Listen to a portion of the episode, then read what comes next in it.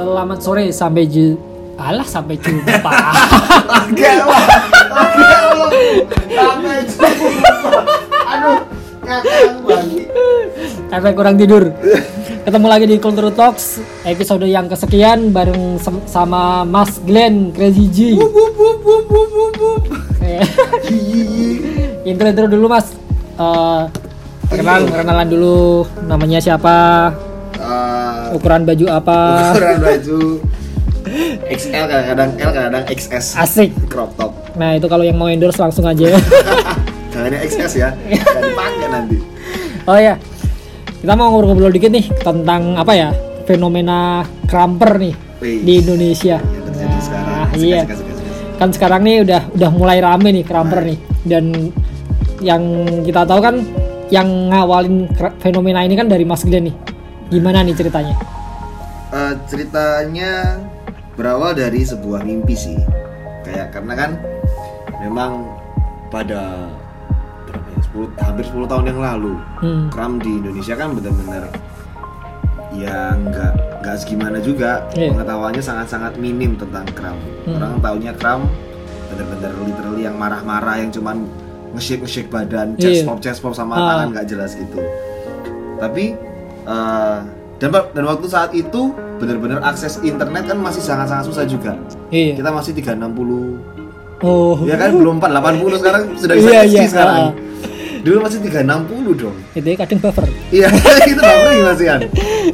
Terus dari situ sih terus kayak eh, kapan ya Indonesia punya lomba kram kayak gitu. Hmm. Punya punya workshop ada yang bisa ngundang workshop kram dari luar. Hmm. sih gitu. Terus Iya. Berapa lama nunggu kok nggak ada ada, nggak Hmm. mulai mulai, and then kepikiran kenapa harus nunggu? Hmm. Gitu. Daripada nunggu orang datang atau nunggu sesuatu yang ada, kenapa kita nggak bikin aja? Iya. toh ya eh, kita bisa kok juga bikin dengan dengan mungkin pada saat itu memang knowledge-nya masih minim, Minim. sangat-sangat minim tapi mikirnya kalau nggak berawal dari kita siapa lagi Hmm. gitu loh. Berusaha nggak bergantung sama orang lain iya jadi dari situ sih and then dari situ berkembang sampai sekarang dan ya sangat-sangat memuaskan untuk hasil iya sih dari perjuangan itu mantap terus kalau titik awalnya nih kan Mas Glenn yang pertama nih bawa ke sini ke Indo Mm-mm. nah terus Mas Glenn sendiri belajarnya dari mana nih Oke, oke. Nah. Klarifikasi aja ya. Hmm. Eh, pada waktu itu sudah banyak banget yang memang lakuin kram di Indo di Indo, Ah, di Jakarta, Hmm. di Surabaya. hmm. Pada waktu itu masih zaman zamannya Let's Dance kan, oh Let's Let's Dance. Dance. Dan memang sudah banyak banget orang yang lakuin kram. Tapi itu tadi pengetahuannya sangat minim Hmm. dan eh, mungkin mereka ngelakuin kram hanya untuk diri mereka sendiri. Hmm. supaya mereka bisa that's it. Hmm. bukan buat uh, nyebarin itu Hmm. bukan buat mengedukasi Iya. nah kalau saya adalah orang yang pengen mengedukasi jadi Hmm. uh, ya bisa dibilang kalau yang pertama kali buat bukan pertama kali juga sih kayak awal-awal pionir-pionir untuk Hmm. mengedukasi ya bener saya iya tapi untuk pertama kali yang ngelakuin saya yakin sebelum saya sudah ada yang ngelakuin oh gitu gitu cuman saya yang kayak bantu push buat hmm. cari edukasi yang benar gitu. Hmm. Nah, eh, pertama pertamanya dari mana bisa dapat ilmu? Yang pertama ya jelas YouTube. Iya Karena YouTube memang ada tutorialnya zaman dulu. ah Zaman dulu dulu Cram 1.0. hmm. Terus ada film Rise. oh iya res Hmm. Zaman-zaman film Rise dulu 2000-an. itu Mas Glenn pas waktu film-film itu udah mulai kram Udah. apa masih hip Udah, Udah- mulai udah mulai transisi ke kram, transisi, Oh, transisi, masih ke transisi, kram, iya. ya. Belum belum bener-bener terjun. Hmm. Jadi film-film karena film itu akhirnya kayak wah kok agresif banget gitu, Iya. asik banget powernya Iya, iya. keluar. Nah dari situ terus eh, setelah beberapa kali workshop kayak ngerasa kurang puas karena eh, kayaknya ilmu yang aku punya masih kurang. buat itu workshop itu Mas Glenn ikut workshop apa ngasih workshop Ma- ngasih workshop. Oh, ngasih Karena workshop. itu susah banget kan kita buat Iya. datengin orang juga. Jadi setelah beberapa kali ngasih workshop kayak ngerasa ah, aku harus harus punya knowledge yang lebih buat meng- membekali anak-anak yang lainnya, buat Ah. membekali teman-teman yang lainnya. So ada kesempatan waktu itu ke Australia eh, WSB di Sydney dan ketem- ke- kebetulan ada workshopnya dari yang bikin crown sendiri Tight Oke. Eyes Iya. terus eh, ikut workshopnya dapat knowledge baru Hmm. baru nyebarin lagi Hmm. terus beberapa sempat ke mana lagi waktu di Jepang juga ada workshopnya beberapa kali dari Eyes lagi dari Baby Iya. Tight Eyes dari Spartan Hmm. pulang Indonesia disebarin lagi Iya. jadi intinya belajar dari yang sesepuh Hmm. baru kita bisa sebarin ke anak-anak yang lainnya Hmm. Kalau Kram sendiri sebenarnya masuk genre hip hop apa, apa enggak sih? Terus eh susah apa enggak sebenarnya waktu kalau ikut terjun di open style battle atau gitu? sebenarnya masuk genre hip hop apa enggak enggak Enggak. tapi apakah itu termasuk street dance ya Hmm, ya kan hmm. kenapa bukan hip hop karena memang eranya berbeda banget Iya. hip hop eranya tahun berapa 1970 dan Hmm. sek- sekitar itu sementara kram baru-baru mulai naik di era 20-an eh 2020 2000-an. 2000-an Hmm. jadi kan eranya berbeda sudah Iya. dan juga eh, si Tat Eye sendiri penciptanya juga ngeklaim kalau kram itu bukan hip hop Oh. jadi ada ada kata-kata dari dia yang memastikan kalau memang bukan Hmm. gitu loh ada ada katanya dia dari perkataannya Tata sendiri kram itu kayak genre musik rock Oh. Bukan jadi hip hop ada sendiri hmm. ini kita yang hardcore-nya Ah, yang iya. kerasnya Iya. kayak gitu jadi ya tapi memang masih apa yang apa ya gerakan-gerakan yang ada di dalam kram sendiri terinfluence banyak dari dance dance sebelumnya dari dance dance tahun-tahun sebelumnya which is Hmm. Iya. hip hop breaking Hmm. popping apalagi terus termasuk kontemporer sama ballet Hmm. karena memang Tight Eyes sempat belajar Oh, dia sempat gitu belajar itu ya juga. ha. jadi memang ada ada influence banyak banget Hmm. dari genre-genre dance yang lain Hmm. terus untuk apa gimana di open style Iya. susah apa enggak gitu ya Iya, kan jenis musiknya udah lain banget tuh. Ah, kalau nggak tahu ya ini ada beberapa teman-teman memang mungkin agak kesusahan Hmm. untuk kram masuk di untuk dia kram terus masuk di open style battle tapi eh, untuk saya pribadi aku pribadi sih malah suka karena challenge Hmm. ya kan karena eh, di open style kita bisa nemuin lagu apa pun Iya. ya dari lagu house Hmm. disco tiba-tiba eh, lagu yang instrumental banget Iya. yang rap banget juga ada ada lagu yang funk Hmm. ada lagu breakbeat jadi eh, lebih tertantang Hmm. dan itu ke aku sendiri lebih gampang Hmm. karena mungkin memang pribadi suka challenge ya Iya. jadi jadi ketika denger lagu yang unfamiliar Hmm. kayak ngerasa oke apa ini apa ini harus Iya. harus bisa ini Hmm. Dan mungkin tips aja sih buat teman-teman yang lainnya yang buat cramper tapi mau masuk ke open style battle Iya. terus bingung di masalah lagu Hmm. kita mungkin nggak bisa hafal semua lagu Hmm. karena impossible Iya. hal untuk hafal semua lagu tapi kita bisa tahu karakter-karakter setiap genre lagu Hmm. lagu blues karakternya seperti apa Iya. lagu jazz karakternya seperti apa Hmm. lagu dangdut punya karakter sendiri Iya. ya kan jadi mungkin coba dengerin banyak genre lagu jangan terpatok oh aku kramper aku cuman mau lagu, dengerin lagu yang kram aja Hmm.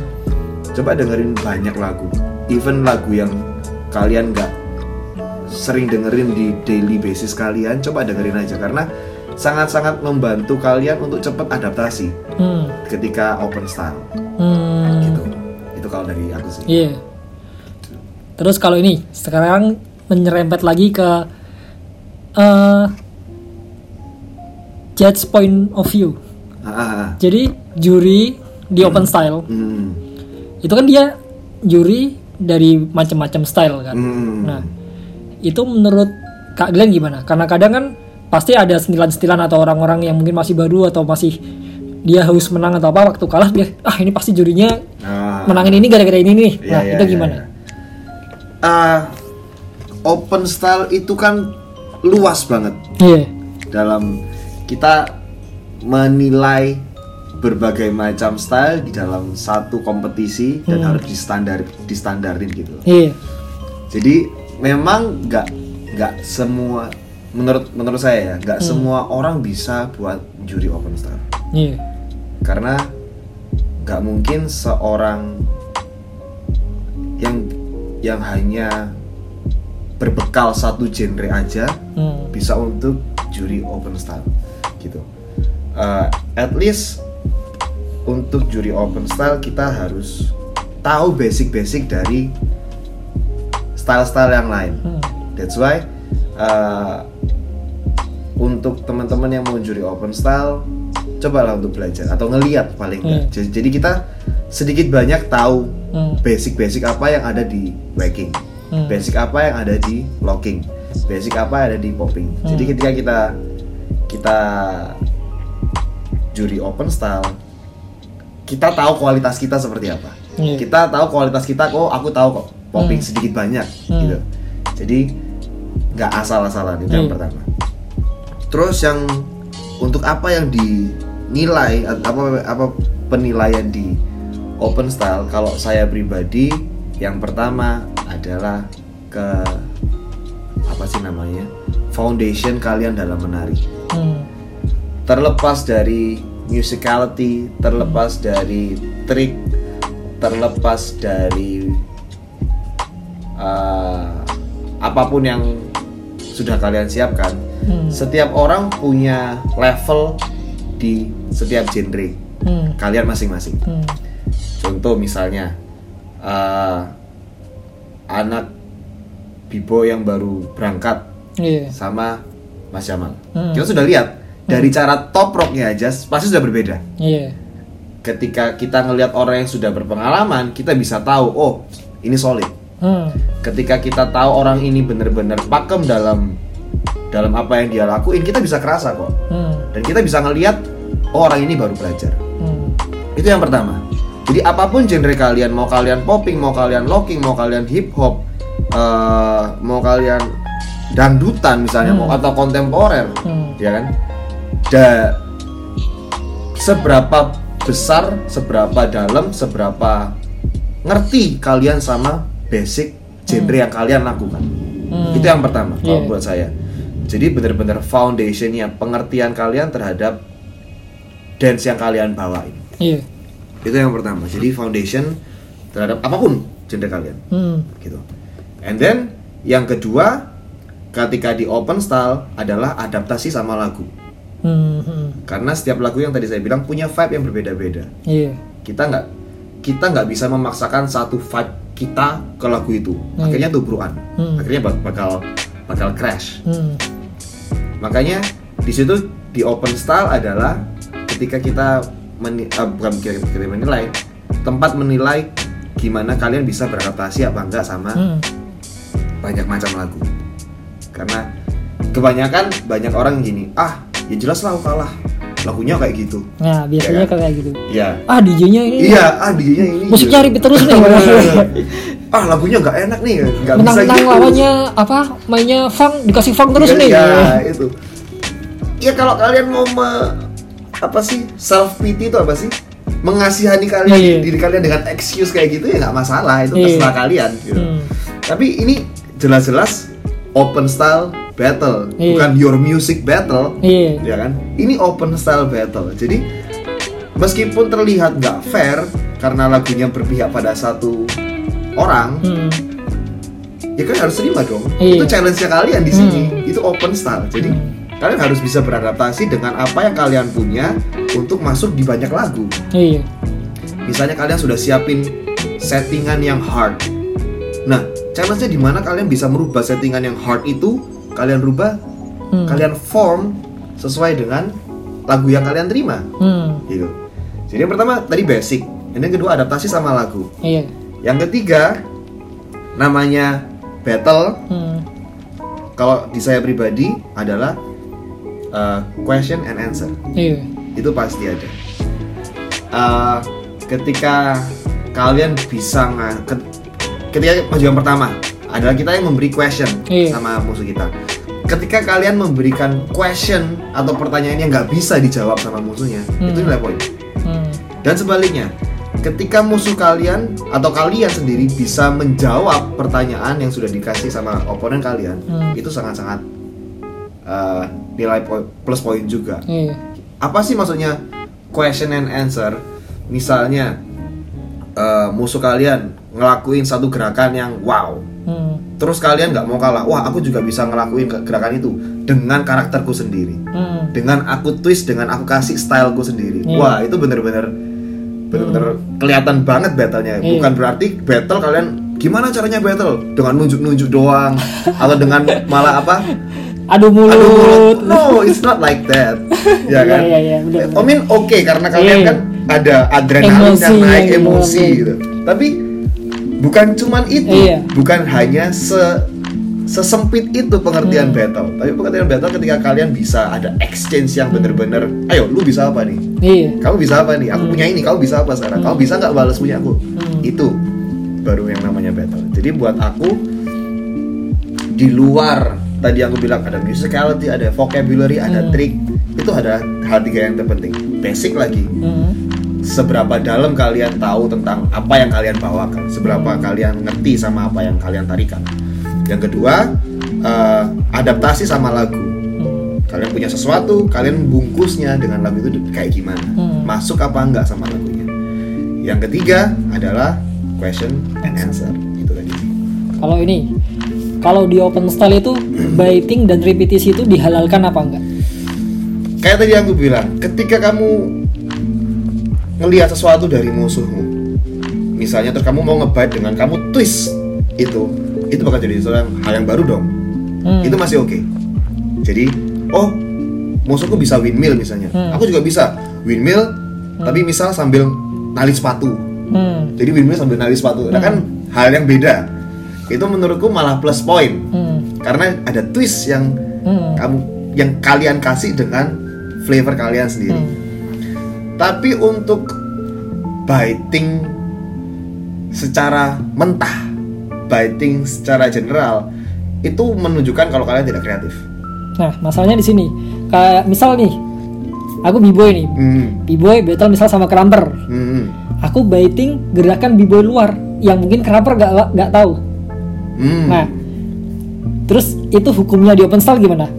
Apakah juri itu harus punya wawasan yang luas atau gimana? Nah, Oke. itu yang aku maksud. Ya, Jadi ya. biting dan repetisi. Sedangkan kalau misal aku repeat nih, Hmm. aku ngakuin repeat, sedangkan misal jurinya ini nggak tahu kalau itu sebuah gerakan repeat Ya, ya, karena ya, ya. beda genre kan. Ya ya ya, nah, ya betul betul. itu yang aku maksud. Karena kadang ada beberapa hal kayak misal eh aku b-boy nih, b-boy waktu itu jadi open style si ada b-boy battle, b-boy bat- eh, yang b-boy yang satunya misal hip hop. Hip hop. Hmm. Nah, ya b-boy itu aku kalahin gara-gara dia repeat. Ah.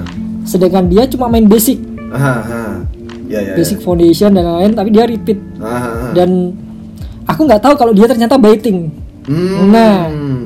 Aku menangin yang hip hop karena aku nggak tahu kalau hip hop kalau itu gerakan biting entah siapa entah Hmm. Ya, dari dancer siapa nggak tahu. Hmm. Nah itu kan pasti bakal jadi kontroversi. Pasti Nah, pasti. Itu gimana pandangannya? Ah, gini sih. kalau misalnya aku ya, kalau misalnya aku Hmm, tahu iya. dia biting, aku pasti bakal minus poin. Hmm, Tapi kembali lagi, susah banget jadi juri. iya. So, kadang-kadang kita miss, Hmm, kadang-kadang kita nggak tahu kalau itu repeat.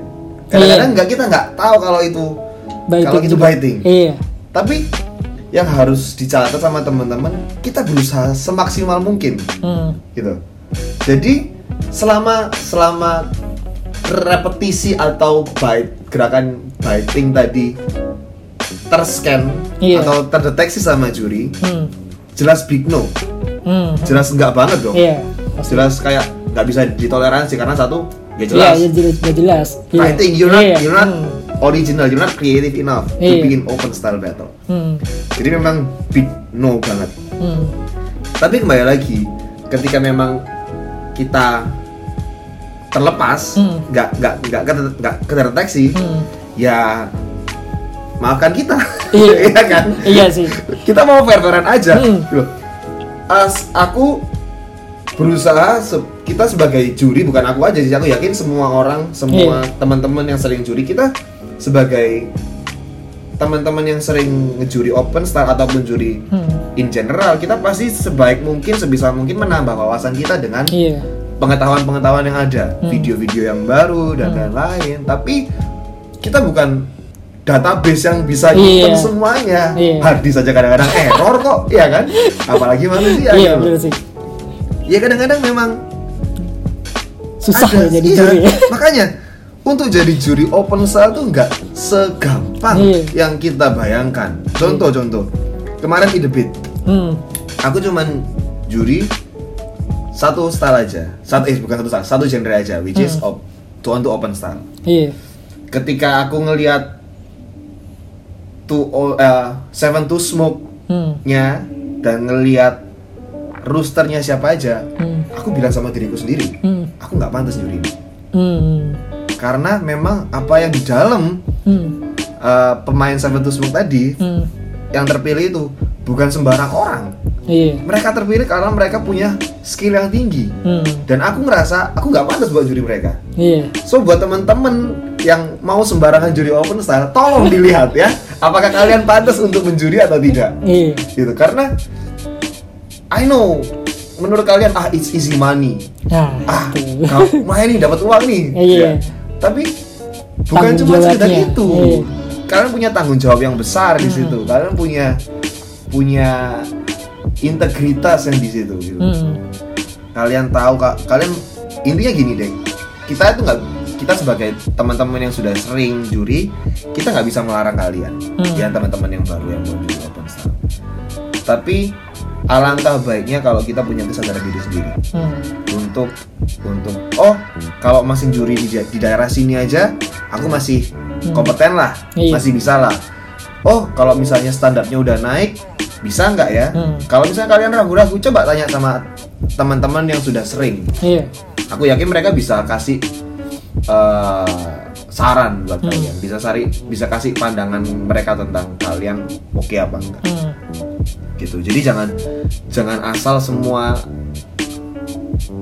apa kesempatan ada semua yang berbau juri bisa dapat uang terus kalian Iya. ambil jangan kayak gitu juga kalau kayak gitu kasihan nanti nggak bisa naik Iya. nggak bisa naik dari kualitas penjuriannya dari kualitas pemenangnya Hmm. karena kalian jurinya mungkin nggak nggak sekompeten itu jadi yang menang Iya. akhirnya beda Hmm. gitu jadi memang susah sih untuk Iya. hal itu Nah, ini lebih dalam lagi nih. oke oke. Kita bahas yang lebih tricky, masalah penjurian. Nah, Hmm. nggak dipungkiri kalau eh, di Indonesia ini masih melibat sebagai juri mayoritas aku lihat kebanyakan orang masih melibatkan emosi pribadi dalam penjurian. Iya, kayak misal wah, dia temanku nih ikut battle di final. Hmm. Pasti walaupun dia mungkin kalah tipis tapi karena ada konteks temen, Temen. jadinya dimenangin. ya Nah, kadang juga ada faktor di mana eh, apa penjurian jadi nggak fair. Kadang kepengaruh juga sama eh, hype-nya penonton. ah benar, benar. Kadang ada pengaruh-pengaruh itu Benar, juga. benar banget benar banget Nah, itu cara menyiasatinya gimana? Menurut Mas Glenn? Karena kalau aku lihat Mas Glenn termasuk yang kompeten, benar-benar fair. ya Eh, gimana ya kalau itu hmm, susah gampang sih Hmm. kalau saya memang saya nggak ngurus kalau mau keluarga saya Iya, ya kan mau iya. adik saya mau pacar saya Iya, makanya dijadiin juri. Asik. mau teman saya kalau memang bagus saya menangin Iya. kalau memang jelek saya enggak Hmm. karena eh, memang contoh kecil gini ketika saya juri di satu kota saya nggak usah nyebut Iya. kotanya ada beberapa penilaian yang menurut mereka oh ini biasanya masuk kok Iya. biasanya masuk top 16 bahkan Iya. kali ini nggak masuk top 16 kenapa Iya. Wah, ada pertanyaan seperti Iya. itu terus akhirnya karena saya dengar sentilan itu Hmm. setiap selesai saya juri Hmm. saya saya 3, 2, 1 saya milih saya langsung ambil mic saya ngomong Hmm. kenapa ini menang karena pam pam pam pam pam pam pam Iya, kenapa ini kalah langsung. karena pam pam pam pam pam oke jelas next battle Hmm. Jadi dari top 16 sampai final saya kasih jelas Khusus di kota itu. kota itu. saya kasih jelas alasan saya pilih ini dan tidak. Jadi jadi ketika mereka mau bertanya-tanya Hmm. sudah jelas kok Iya. kenapa saya milih ini, Hmm. kenapa saya milih ini, Iya. kenapa saya tidak milih, kenapa ini tidak masuk dan lain-lain. Hmm. Begitu juga di dance competitionnya. Iya. Gitu. Jadi benar-benar saya kasih penilaian dan alasan yang gamblang yang jelas kenapa. Hmm. Gitu. Terus untuk menyiasati itu adalah yang satu jelas cari juri yang kompeten. Iya. Cari benar-benar juri yang track recordnya benar-benar bisa di- dipercaya. Iya. And then another way untuk menyiasati adalah biasanya juri itu lebih dari satu. Hmm, hmm. Biasanya. Iya. Tapi memang tergantung budget ya. Iya. Kalau itu sudah tergantung budget lagi. Karena kalau juri lebih dari satu itu mengurangi yang tadi Iya. kita bilang Hmm. ada oh ini temen nih, Iya. ini ini ini Eh, apalagi ya yang bisa untuk menyiasati itu ya? Saya kira itu aja deh. Benar-benar cari juri yang kompeten yang benar-benar tahu dan tidak berpihak Iya. sama lebih lebih lebih dari satu itu paling gampang Hmm. paling gampang untuk mencegah hal-hal Hmm. kayak gitu itu sih Kalau ini faktor big name. Wah Wah, ini yang lebih berat nih. nih. ini yang paling sering terjadi. Sari, ya, bener. Soalnya aku sendiri pernah ngalami karena aku sempat ada di top Jawa Tengah gitu. Hmm. Aku sempat ngetes asal-asalan. Jadi prelim sengaja aku kreasi dan ini tetap lolos. masuk masuk Di final aku kreasin tetap lolos. nah, ini berarti kan intinya masih ada faktor kalau orang punya nama besar benar dia bakal isi win. benar Nah, itu tidak memungkiri di semua tempat kayaknya ada iya. Bahkan di internasional. yes pastilah karena orang sudah punya ekspektasi terhadap satu individu ini Iya. ya kan Hmm. wah ini masuk wah pasti nih Iya. ketika misalnya hari itu atau pada saat itu mereka mainnya nggak jelek tapi Hmm. ada yang lebih bagus kayak Hmm. se- seakan-akan jadi dimaafkan Iya. Bisa lah kayak, kayak gitu loh Iya. termaafkan lah kayak gitu Kadang yang, itu yang terjadi iya, kadang yang ngeselin ah dimenangin daripada ntar aku di call out. Ya. Ya. itu bener banget itu bener banget ada ada beberapa teman-teman yang memang takut untuk Berbuat fair. berbuat fair Iya. itu bener banget jadi itu tadi sih cari cari satu yang yang kompeten tadi Iya. karena memang kalau memang jurinya kompeten juri itu pasti bisa mempertanggungjawabkan semua keputusannya dia Iya. kalau memang ada yang nggak terima ketika dia datang dia bisa tahu oh ini ini ini ini, atau Hmm. memang kadang-kadang aku pernah sih gini Iya. aku lupa roundnya seperti apa Hmm. so I ask for the video Hmm. aku lupa kenapa kamu bisa menang kenapa bisa kalah karena Hmm. juri banyak banget kan Iya, satu iya. round itu satu Iya, gak cuma itu doang. iya gak cuma round itu aja Iya, gitu. jadi kalau memang untuk teman-teman yang mau protes atau gimana coba datang dengan bantu juri dengan video kalian Hmm. gitu supaya juri juga bisa ingat Hmm. oh yang ini ini, ini gitu jadi tanya aja sama jurinya dan jurinya kalau kompeten pun jurinya pasti bisa ngasih oh ini di sini kamu kalahnya di sini bla bla Hmm. bla bla bla dan kalau memang masih belum terima Hmm. ya di call out aja nggak masalah lah Hmm. gitu Nah. enggak karena dia menjadi juri siapa pun menjadi juri karena memang dia punya kualitas untuk menjadi juri Hmm. dan kalau memang kualitas itu mau diuji ya kenapa enggak Iya. gitu and then mungkin cara cara mengatas menanggulangi itu Hmm. mengantisipasi itu ambil juri dari luar kota atau dari lu yang nggak tahu nama Iya. besar di tempat itu Iya. Benar. kayak beberapa lomba yang ketika jurinya dari luar negeri kita kadang-kadang bingung kan loh Hmm. kok bisa menang sih Nah, kok itu bisa ada iya. sih kayak gitu kadang-kadang ya ya ya karena memang di satu satu sisi juri itu nggak tahu karena dia di Iya. luar negeri nggak tahu siapa yang Iya. lagi nak besar siapa yang biasa Hmm. jadi lebih Dia ngeliat yang apa yang ada saat iya, itu. yang ada Hmm. terlepas dari seleranya dia Iya. ya kan Hmm. dia ketika menurut dia itu sorry hmm, oke dan menurut dia masuk ya masuk Iya. meskipun nggak sama-sama kayak kita Hmm. at least kita tahu juri ini nggak berpihak nggak Iya. tahu ya nama Hmm. besar siapa nama Hmm. besar siapa itu Hmm. jadi memang nama besar sangat-sangat mempengaruhi itu nggak bisa susah ya nggak bisa dipungkiri nggak Hmm. bisa dipungkiri gitu. ya saya, saya saya sendiri untuk awal-awal waktu ketika juri Hmm. wah nama besar seseorang berat ya Berat. pasti ngaruh ya kayak misalnya ada siapa lawan siapa Mena- kalau kita lihat secara teknis menangan yang orang Yang B, misal. tapi yang A ini orang punya nama besar kayak Hmm. seakan-akan ah nggak apa-apa lah dimaafkan kayak iya gitu iya iya ya, ya, ya itu dulu waktu pertama-pertama Iya. belajar waktu masih juri Hmm. kalau sekarang udah lebih berani ya udah lebih berani untuk Hmm. meskipun kamu punya nama besar nggak bisa dong karena memang Iya. hari ini yang ini lebih baik Hmm. gitu ya that's okay kalau misalnya ada yang nggak terima atau bukan nggak terima sih ada yang Hmm. bertanya that's okay Hmm. itulah gitu. kalau ada yang bertanya-tanya ya, ya jelas kamu bertanya-tanya karena Iya. kamu nggak kompeten untuk menjadi Hmm. di tempat ini kasarannya seperti itu Hmm. gitu ya ya ya jelas kamu bertanya-tanya Iya. karena memang belum belum sampai situ pengetahuannya Oke oke oke. Terus lanjut lagi Eh, masalah kalah menang nih. hmm. Kan direct pada asalnya kan kalau dancer kan lebih ke ekspres ya. Hmm. Nah, tapi kan belakangan ini kebanyakan generasi udah mulai lupa ke ekspres tapi lebih ngejar ke kompetisi menang kalah. Hmm. Itu gimana?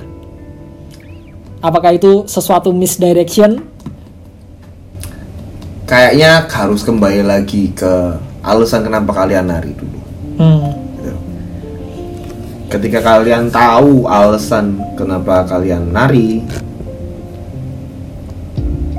menang kalah itu bukan jadi hal yang besar Hmm. gitu Eh, nggak semua orang nari untuk ekspres itu memang benar Iya. ada orang yang nari untuk impress Hmm. membuktikan sesuatu Hmm. dan kalau memang itu adalah hal yang mereka percayai Hmm. dan itu adalah pedomannya mereka gimana ya ya kalau memang dan dan kalau memang bisa diarahkan Hmm. ya nggak apa-apa tapi apakah saya saya termasuk orang yang open minded Hmm. tapi kalau memang tujuannya mereka nari untuk impress apakah salah ya enggak sih Iya. karena itu pilihan mereka Hmm. ya kan Hmm. itu pilihan pilihan satu individu ini untuk menjadi sesuatu Iya. untuk push mereka menjadi sesuatu yang lebih baik Hmm. misalnya satu orang ini dengan dengan motivasinya dia untuk dilihat orang-orang dia bisa mencapai achievement yang besar Hmm. dan selama masih dalam batas yang wajar sam- tidak sampai melukai teman-temannya tidak Hmm. sampai menjatuhkan teman-temannya I think that's okay Hmm. tapi ketika ketika tarafnya ketika maksudnya apa sih tingkatannya sampai menjatuhkan temennya terus sampai akhirnya ngeblast di sosial media Iya. atau bikin rusuh di tempat lomba Hmm. itu yang harus benar-benar ditindaklanjuti Iya. karena merugikan banyak orang dong kalau gitu Iya sih. tapi selama motivasinya dia tidak merugikan banyak orang Hmm. aku nggak bisa bilang itu salah Hmm. dan aku tidak bisa melarang itu Hmm. Tapi kalau aku pribadi alangkah baiknya kalau memang motivasi motivasi itu adalah motivasi yang bisa membawa impact bukan cuma untuk satu orang tapi untuk banyak orang. Hmm. Contoh tadi yang kita bilang ekspres. Iya. Ekspres itu memang tu- tujuannya asalnya dari dalam diri kita sendiri. Hmm. Tapi ekspresi ini bisa untuk dinikmati oleh banyak, Banyak orang. orang. dan tujuan kita mengekspresikan itu kan su- supaya orang bisa Tahu. tahu ya kan sama bel- belinya beda tipis sama yang Hmm. tujuannya untuk aku mau menang aku Hmm. ini beda tipis cuman makanya nggak bisa nggak bisa di Hmm. nggak bisa di ini salah Hmm. kamu nggak boleh tujuanmu hanya untuk dirimu sendiri nggak bisa juga kayak gitu selama pokoknya selama tidak merugikan banyak orang aku rasa masih tidak masalah Hmm. tapi memang yang ekspres sebagai orang seniman kita lebih bisa lihat itu Hmm. seniman sama seniman kalau memang resonansinya sama Hmm. ketika real recognize real Hmm. kita bisa ngelihat ke orang yang ma- mana orang yang dance karena mau mem- membuktikan sesuatu Hmm. mau nunjukin sesuatu sama dancer Hmm. yang hanya mau express Hmm. mereka express apa yang ada di dalam diri mereka Hmm. dan kalau aku pribadi aku boleh bilang aku lebih meng- mengapresiasi teman-teman yang express Hmm. bukan berarti yang membuktikan sesuatu aku tidak mengapresiasi Iya. no jangan salah aku juga mengapresi- mengapresiasi kok tapi Hmm. se- sebagai seorang seniman juga aku lebih klik gitu. Hmm. memang kalau dalam open style battle harus imbang sih Iya. ada waktunya ada part ketika kita express ada part ketika kita harus benar-benar membuktikan sesuatu Iya. jangan jangan beda sebelah Hmm. Kalau ini setelah battle kan mesti sering ada pertanyaan. hmm. Pertanyaan ini pasti keluar Hmm. dan selalu pertanyaan yang keluar adalah Kak, aku kalah di mana? Aha. Biar aku menang gimana? Iya, iya. Pertanyaan pertama. Iya, iya. Dan pertanyaan yang jarang ditemui itu Kak, biar aku lebih baik gimana? True. Nah, Iya, iya. gimana tuh pendapatnya? Kebanyakan orang memang begitu ya. Tanya, kok aku bisa kalah? Nah, kayak gitu. Nah. Kasar aja soalnya. Iya. Bahasa halusnya, aku kalah di mana? Iya. Ya, itu kan secara nggak langsung kan berarti antara dia memang nggak tahu atau dia disrespect ke justice true. Kita nggak nggak nggak- Iya. nggak bisa. nggak antara dua itu Iya, otomatis. antara dua itu sih. kalau Tapi waktu kita nggak bisa tahu dong. Mm-mm, kayak iya. Dia dia yang mana, ya Mm. kan? Terus pertanyaannya adalah, Hmm? pertanyaannya adalah, pendapatmu gimana kan Oh. ada ada dua ini Ya, ya, ya, ya. Hmm. kalau aku pribadi nilai antara dua dua tipe orang ini hmm, aku lebih respect ke orang yang satunya itu. pingin lebih baik gimana True. karena kenapa karena kalau orang selalu mikir gimana caranya lebih baik Mhm. pasti suatu saat dia bakal achieve menang Benar, benar, benar, tapi kalau orang yang selalu menang belum tentu dia berkembang lebih baik benar, true.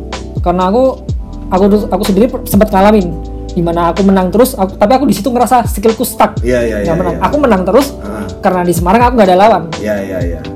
kalau orang yang lebih baik ini mungkin dia nggak pernah menang Tapi berkembang terus Iya, iya, benar. Nah, Ah, jujur aja, pasti kita lebih senang ada orang yang lebih ap- approach ke juri dengan kata-kata yang lebih baik, dengan Iya. motivasi yang lebih baik, which is yang apa yang bisa aku lakuin dengan keda buat ke depannya. ke depannya iya Tapi kadang teman-teman yang ngomong, aku kurang apa ini? iya bukan mereka bertanya seperti itu eh, kadang-kadang bukan mereka mau disrespect tapi karena mereka nggak tahu cara tanya yang lebih baik iya karena memang mungkin lingkungannya mereka Hmm. lingkungannya teman-teman yang lain mereka diajarinya seperti itu mereka dengarnya dari teman-teman yang lain iya cara tanya cara seperti tanyanya itu. begitu iya jadi aku berusaha untuk menjawab semuanya dengan baik Hmm. dengan dengan tadi itu tidak meskipun ada orang yang bertanya lebih baik aku tetap akan menjawab pertanyaan yang kurang baik dengan cara yang sama hmm. Dengan hal yang sama karena sat- satu satu hal kita nggak tahu apa di balik hati seorang itu iya dia mau disrespect Hmm. atau dia memang polos polos ya kita nggak tahu Iya. so daripada kita berasumsi sendiri Hmm. daripada kita wah kok kurang ajar sih ini anak iya ya kan Hmm. jadi lebih baik aku ngasih standar oh orang ini nggak tahu iya jadi aku harus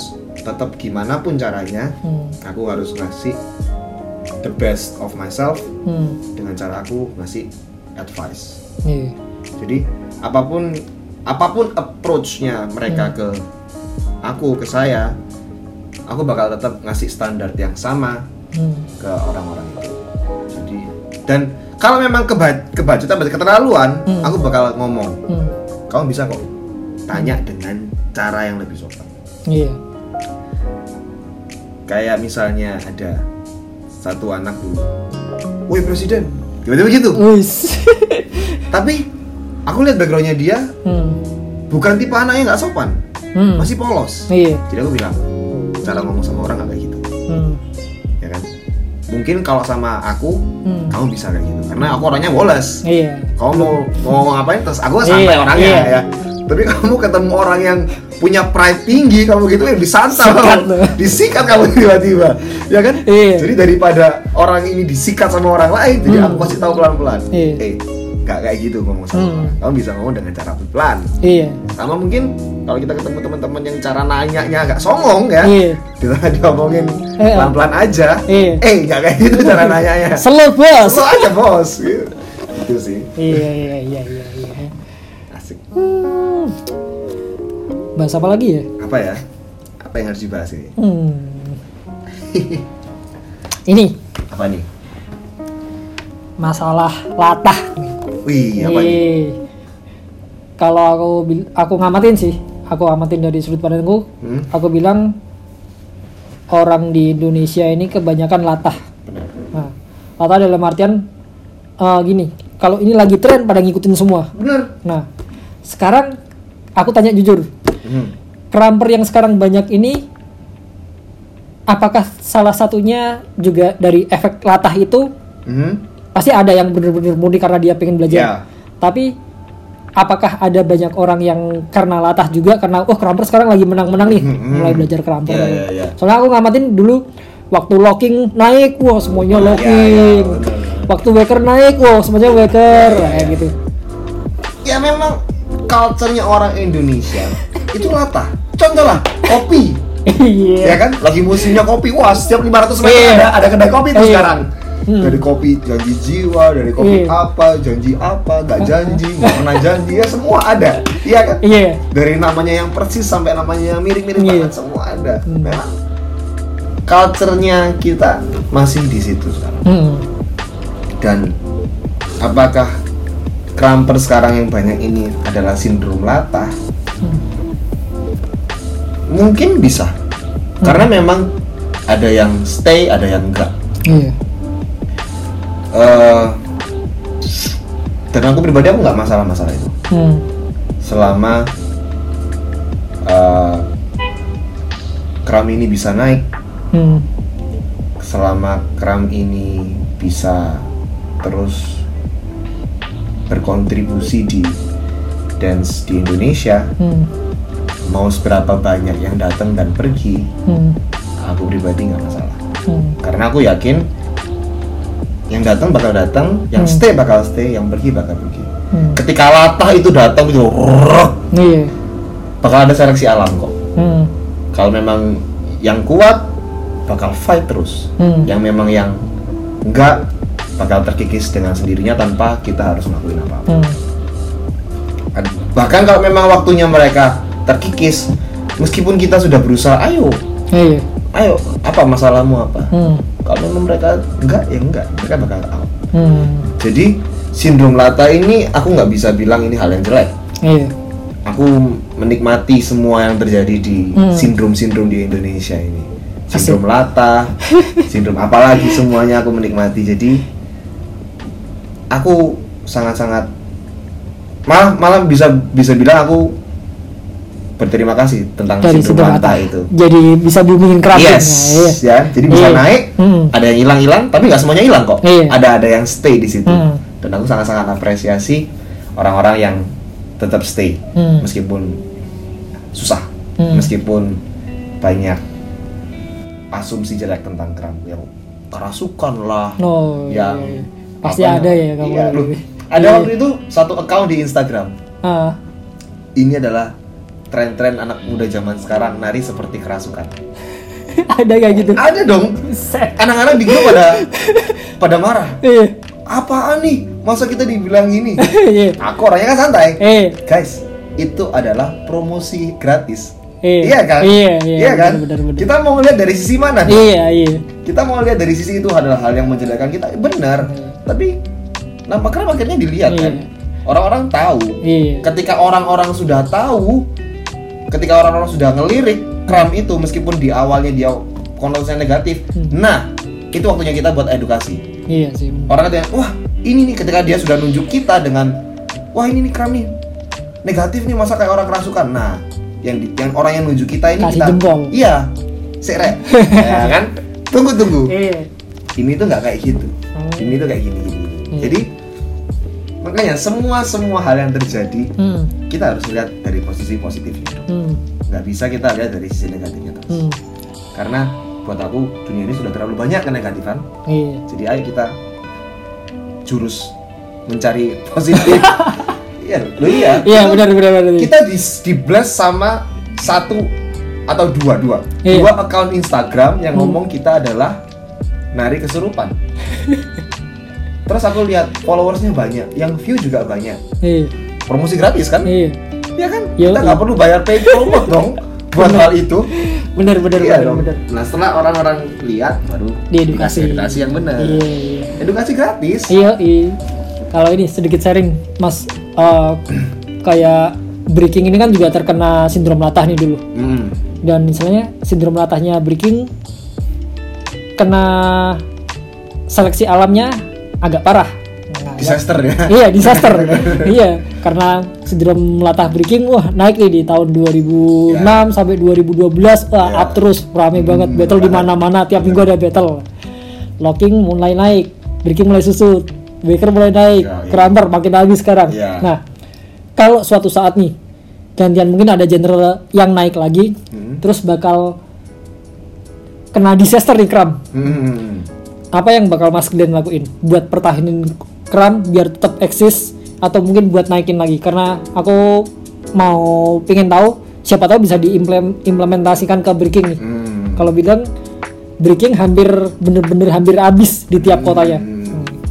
Kalau dari aku pribadi, yang pertama dari seorang individu yang sempat mempush, iya aku bakal punya individu, eh bukan individu, bakal punya apa namanya mentalitas. Aku sempat bikin dari nol. iya Kenapa aku nggak bisa bikin lagi? Hmm. Itu yang pertama. Jadi mentalitasnya harus ada dulu. iya And then yang kedua adalah uh, mau untuk bayar harga, mau untuk berkorban lagi hmm. karena banyak orang mau untuk punya nama banyak orang mau untuk dibilang adalah pelopor atau gimana iya tapi mereka nggak mau buat bayar harga untuk push hmm. that's why uh, mungkin beberapa style kurang naik atau gimana karena tidak ada teman-teman atau tokoh-tokoh Hmm. yang mau push itu yang mau berjuang. Yang ini. mau berjuang meskipun sendiri. Iya. Meskipun sendiri meskipun harus cari uang sendiri. Hmm. kayak gitu itu sangat-sangat susah. Iya. Ya I know karena memang Indonesia susah banget dari hidup dari nari gitu. Hmm. tapi kalau kita mau kita pasti bisa kok. Jadi aku aku kira caranya untuk atau gimana nanti ketika ketika kram dapat disaster seperti itu yang pasti kita bakal ngumpulin orang-orang yang mau yang komitmen untuk dua atau tiga orang Hmm. aku nggak masalah Hmm. Matter fact, uh, Indonesia Kram punya satu tim, punya tim core yang namanya Garuda Bug. Hmm. Garuda Bug ini adalah orang-orang yang aku percaya dan aku punya faith. Faith apa Hmm. sih? Faith itu apa sebenarnya? apa ya Intinya yakin. iya sama yakin mereka. banget lah Yakin sama mereka Hmm. kalau apa pun yang terjadi, mereka bakal push Hmm. terus. Meskipun satu saat nanti aku sudah nggak lagi, hmm. aku tahu kram ini di tangan yang benar di tangan iya. orang-orang yang yang benar-benar sayang sama kram iya yang benar-benar cinta sama kram gitu loh Hmm. dan eh, ya aku rasa untuk sampai ke situnya untuk saat ini kita punya kita punya apa sih? Guru pertahanan pertama. Iya. Apa ya? Oke, gitu aja, Mas Glenn. Uh, makasih ngobrol-ngobrolnya, sering-sering belak-belakannya. Siapa tahu abis ini banyak banyak yang labrak gara-gara. Oke, siap. Saya Flash, I'm Crazy G Soldier Beast Culture Talks, peace out. Peace out.